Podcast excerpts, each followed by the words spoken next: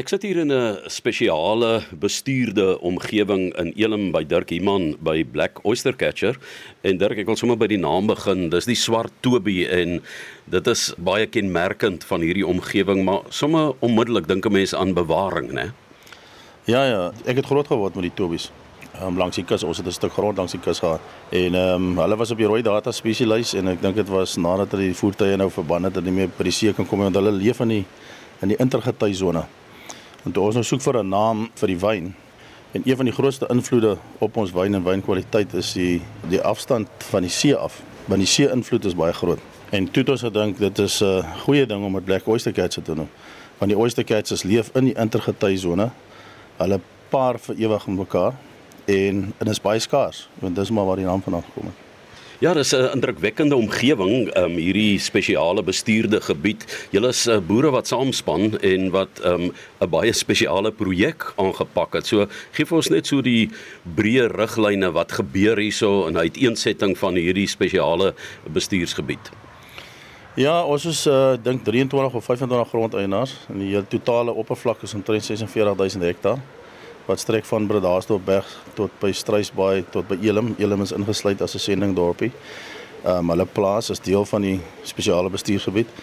En ehm um, die gedagte was maar heeltemal anders as wat as wat gewone bewaring is. So kom ons uh, kamp ons intensiewe dele in en ons probeer al die natuurlike gebiede aaneenlopend maak. En dan kyk ons daarna in ons uh, haal die aliens uit wat daarin is en sit die natuurlike wild terug wat daar sou gewees het.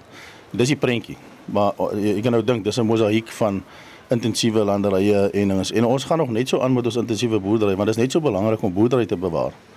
Want dit is die is die aard van oorlewing van die area. So jy kan nie nou sê ons is nou net 'n uh, bewarings uh, instansie of 'n gebied en dan haal ons al die ander goed uit hier. Dit is werkskepping, dis uh, kos sekuriteit, jy weet al die goed ons. So ek dink ons het 'n unieke manier gekry om te kyk daarna en sê jy weet die intensiewe gedeeltes is wat ons wil toemaak en die res wil ons eintlik aan die lopend maak en ons wil dit natuurlik hou. En ons speel 'n geweldige rol in die gemeenskap in terme van die wetland of wat wat soos 'n sponsors nê. En hoe gesonder ons dit hou, hoe groter voordeel hou dit in vir die ondergrondwater wat almal gebruik en almal benut en die oppervlakwater wat al die dorpe van afhanklik is. Ons doen eintlik 'n bewaringsdiens wat vir die hele gemeenskap 'n voordeel het op hen. Watter dorpe praat 'n mens van in die omgewing dat Suid-Afrikaners hulle kan orienteer wanneer hulle hier kom kuier? Ja, dis Bredasdorp, ehm um, Aniston, Struisbaai, Agulhas, Struisbaai en Agulhas ontwikkel geweldig. Baie ondergrondwater in daai spesifieke gedeelte is afhanklik van hierdie hele wetland stelsel wat nou die water absorbeer. En Anapirus net aan ons noordekant. Elim is op ons wes. Eh uh, Baskeros bos, so dis in daai omgewing. Nou vertel my ook so 'n bietjie van die naam. Is dit op 'n ou jaar se aand uitgedink dat jy by die naam uitgekom het? Uh nee, Nuwejaars, dis die Nuwejaars se 4 wat hier verbygaan en die Nuwejaars uh, rivier is uh, so genoem omdat hy hou Nuwejaar op met loop.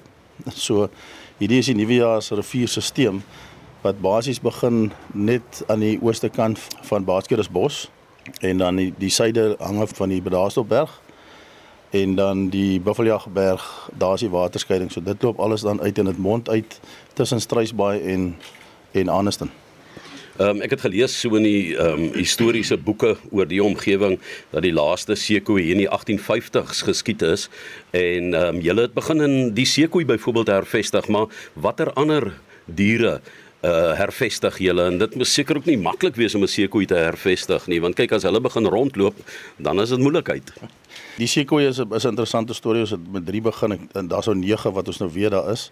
Hulle is in een gedeelte wat 'n 2.500 hektaar is.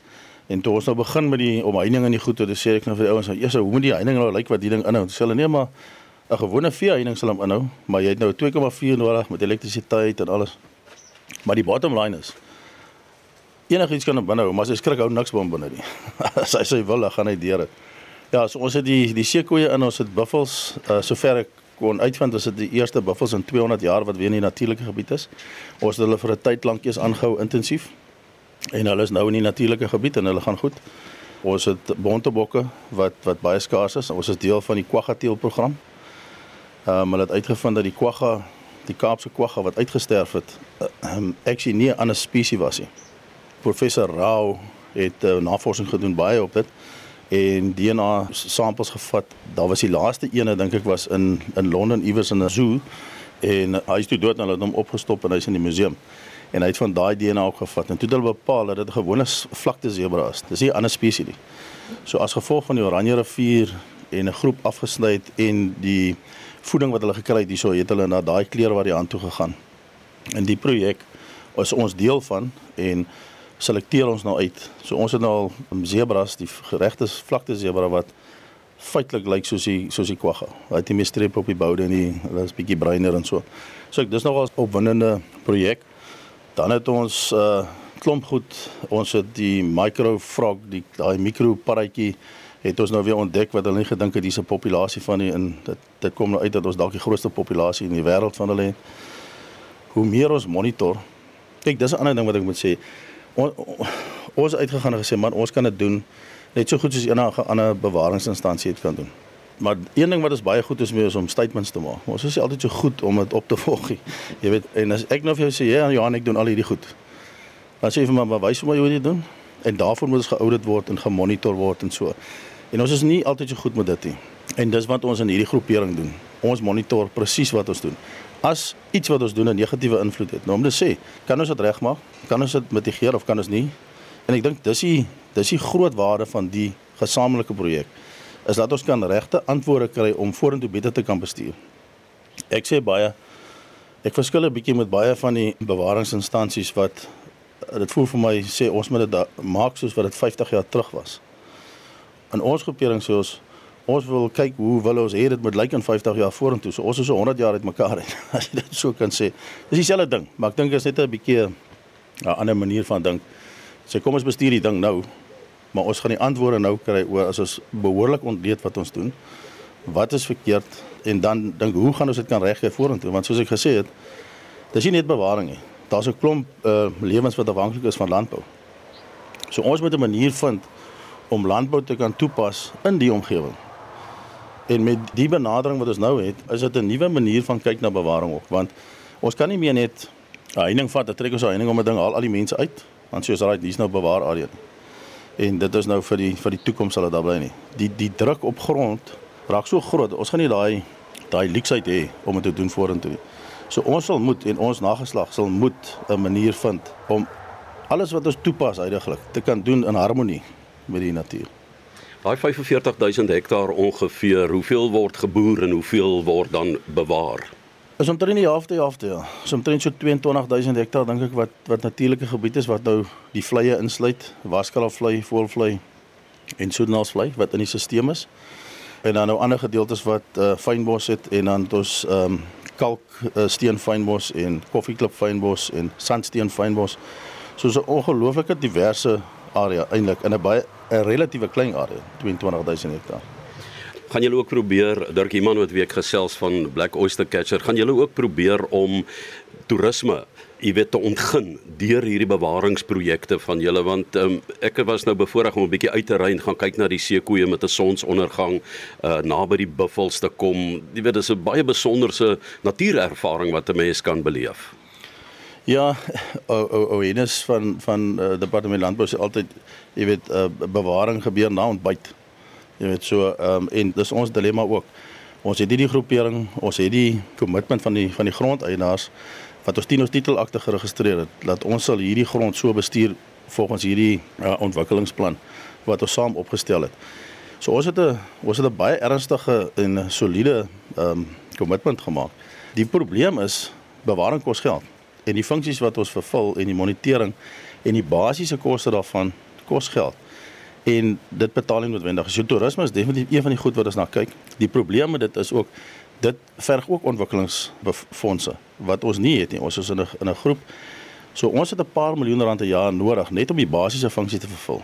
En wat ons dan die vermoë sal gee om te kan aansoek doen vir befondsing. Die die probleem is Ek wil nie ons moet hierdie ding skoei op befondsing wat ons elke jaar moet befondsing kry nie. Die ding moet op die end 'n uh, geïntegreerde ding wees wat na homself kan kyk. So dis 'n helse uitdaging want as dit so maklik was het almal dit al gedoen. En ek sover ek weet is dit een van die eerstes hierdie spesiale bestuursgebied. Almal is dit eens dat dit is die regte model en dis 'n goeie model om vorentoe te gaan. Ek dink die uitdaging is hoe gaan ons dit maak dat dit lewensvatbaar bly? Toerisme definitief een van hulle en ek dink ou gaan vindingryk moet dink. Hoe gaan jy daai basiese koste kry om die basiese goed te kan dek elke jaar sonder dat jy afhanklik is van 'n handout? Want môre as dit daar nie wat gebeur dan, dan verval alles wat ons gedoen het. Ons is al van 2003 af aan die gang, jy weet, so ons is bitter ernstig aan die kyk. Ons het gekyk na om miskien kompetisie te ran. Ons is 'n 'n 'n nuwensgewende organisasie, 'n non-profit. So, jy weet, ons moet ons moet regtig en en as as slim mense is wat luister dan sou ons graag antwoorde wil hê. Dirk iemand met wie ek gesels. Ja, daar's goeie entrepreneurs in Suid-Afrika. So as hulle met jou in verbinding wil tree oor die nuwejaars vleiland spesiale bestuursgebied en 'n bietjie met jou daaroor wil gesels, hoe gaan hulle te werk? Ons uh, webwerf is, is www.nuwejaars.com of hulle kan deur Black Oyster Catcher www.blackoystercatcher.co.za is my dinge so al die inligting is op die webwerwe.